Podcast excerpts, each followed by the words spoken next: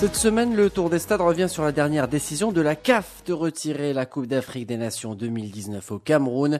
Réunie vendredi dernier à Accra au Ghana, l'instance continentale a fini par trancher après plusieurs mois de doute. Le Cameroun a été pénalisé par des retards dans l'avancée des travaux de préparation. Une triste nouvelle pour un pays qui avait promis d'être dans les temps. Alors comment a été perçue cette nouvelle? Est-ce que le Cameroun va relever le défi pour une Cannes 2021 Autant de questions auxquelles répond Martin Camus, journaliste et commentateur au Cameroun. Il est notre invité de ce tour des stades. Je crois que ce qui a d'abord desservi le Cameroun, c'est que le Cameroun n'a pas de fédération stable depuis 2013. Euh, depuis 2013, on va de normalisation en normalisation. Euh, je crois que c'est un premier élément à, prendre quand même en compte parce qu'un président élu avec une fédération stable, je crois, aurait eu le temps de voir venir le danger. Ça, c'est la première chose. La deuxième, c'est qu'on a une mauvaise habitude au, au Cameroun, la fonctionnalisation de tout, où euh, on doit tout gérer politiquement à partir des bureaux. Parfois, on n'a pas besoin d'experts. Euh, ceux qui ont le décret et qui sont des fonctionnaires ou des hauts fonctionnaires pensent avoir l'expertise. Et donc, ça fait qu'entre les bureaux, à la fin, ils ne réalisent peut-être pas que le monde est en train de tourner autrement et qu'un événement comme la Cannes, c'est pas un événement seulement politique qui intéresse le Cameroun, c'est un événement continental et mondial qui intéresse euh, beaucoup d'autres choses. Je crois que ces deux éléments mis ensemble ont fini par euh, plomber cette Cannes parce qu'au Cameroun, quand je parle de fonctionnalisation, ceux qui n'y sont pas peuvent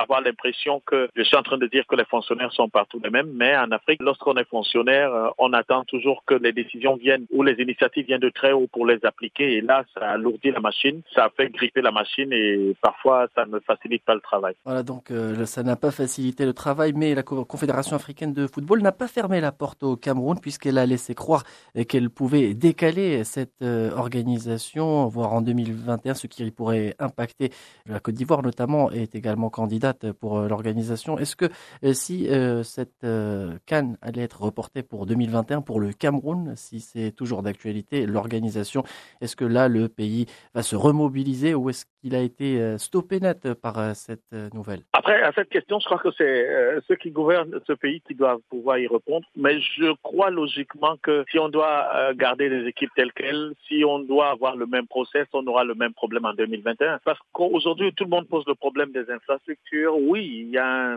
retard, un gros retard, mais c'est d'abord la machine organisationnelle, parce que même pour que les infrastructures soient prêtes, il faut une équipe qui est capable d'impulser, de, veiller, de mettre des gens sous pression. Et si c'est, euh, on doit garder la structure telle qu'elle, je crois que 2021 sera aussi un autre problème. Peut-être on aura terminé les stades, euh, mais après il faudrait mettre la machine de l'organisation sur les rails. Je crois que 2021 est une douce consolation pour un peuple qui attendait 2019 et qui aurait été peut-être plus euh, encore s'il n'y avait pas un espoir à l'horizon. C'est bien de, donner espoir, mais maintenant, il faudrait que ceux qui ont la, possibilité de prendre des décisions prennent les bonnes décisions. Ceux qui sont choisis pour travailler, travaillent sereinement. Mais 2021, oui, on a la possibilité, puisque de toute façon, la plupart des choses euh, on, sont sur les rails. Maintenant, il ne faudrait pas qu'on sorte des rails, il faudrait qu'on se mette au travail pour être sûr qu'en 2021, on sera prêt. Moi, je ne peux pas dire aujourd'hui qu'en 2021, euh, tel que c'est parti, on va faire quelque chose d'incroyable. Non.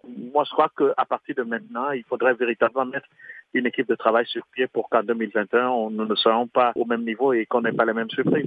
Euh, dernière euh, question, Martin Camus, et là, je fais appel à votre euh, avis personnel. La FCAF va lancer un appel d'offres ces jours-ci pour justement qu'un pays prenne cette Coupe d'Afrique des Nations 2019. Le Maroc et l'Afrique du Sud sont en pôle position. Avez-vous un avis euh, concernant cette euh, organisation de la Cannes 2019. Mais à part que là, je pense que c'est c'est juste un respect de procédure. Tout le monde sait depuis que M. Ahmad est arrivé que le Maroc voulait cette canne. Et il y a un boulevard, je vois pas ce qui va empêcher que le Maroc prenne cette canne, pas parce que je veux, mais je crois que parce que les, les dés étaient pipés d'avance et parce que les choses euh, sont pensées ainsi. après, si on veut donner l'impression qu'il y a un appel de candidature, il y a un process. en même temps, l'Afrique du Sud a abrité deux éditions. je crois quasiment au pied levé. Je vois pas pourquoi on va retourner en Afrique du Sud Bref, tout est fait pour que le Maroc prenne la compétition. Il ne faut pas qu'on perde autant d'énergie. Donnons la canne au Maroc et, consolons euh, ce pays pour ce qu'il a perdu euh, en 2015 et pour ce qu'il a perdu à la Coupe du Monde. Je crois que c'était ça l'objectif. En plus du fait que le, Cameroun a aidé la CAF à, y arriver, ben, il n'y a pas grand-chose à dire là-dessus. À noter qu'un délai de 21 jours a été accordé aux pays désireux de se porter candidat à l'organisation de la compétition. Le Maroc est favori alors qu'il a les capacités à accueillir 24 équipes du 15 juin au 13 juillet 2019.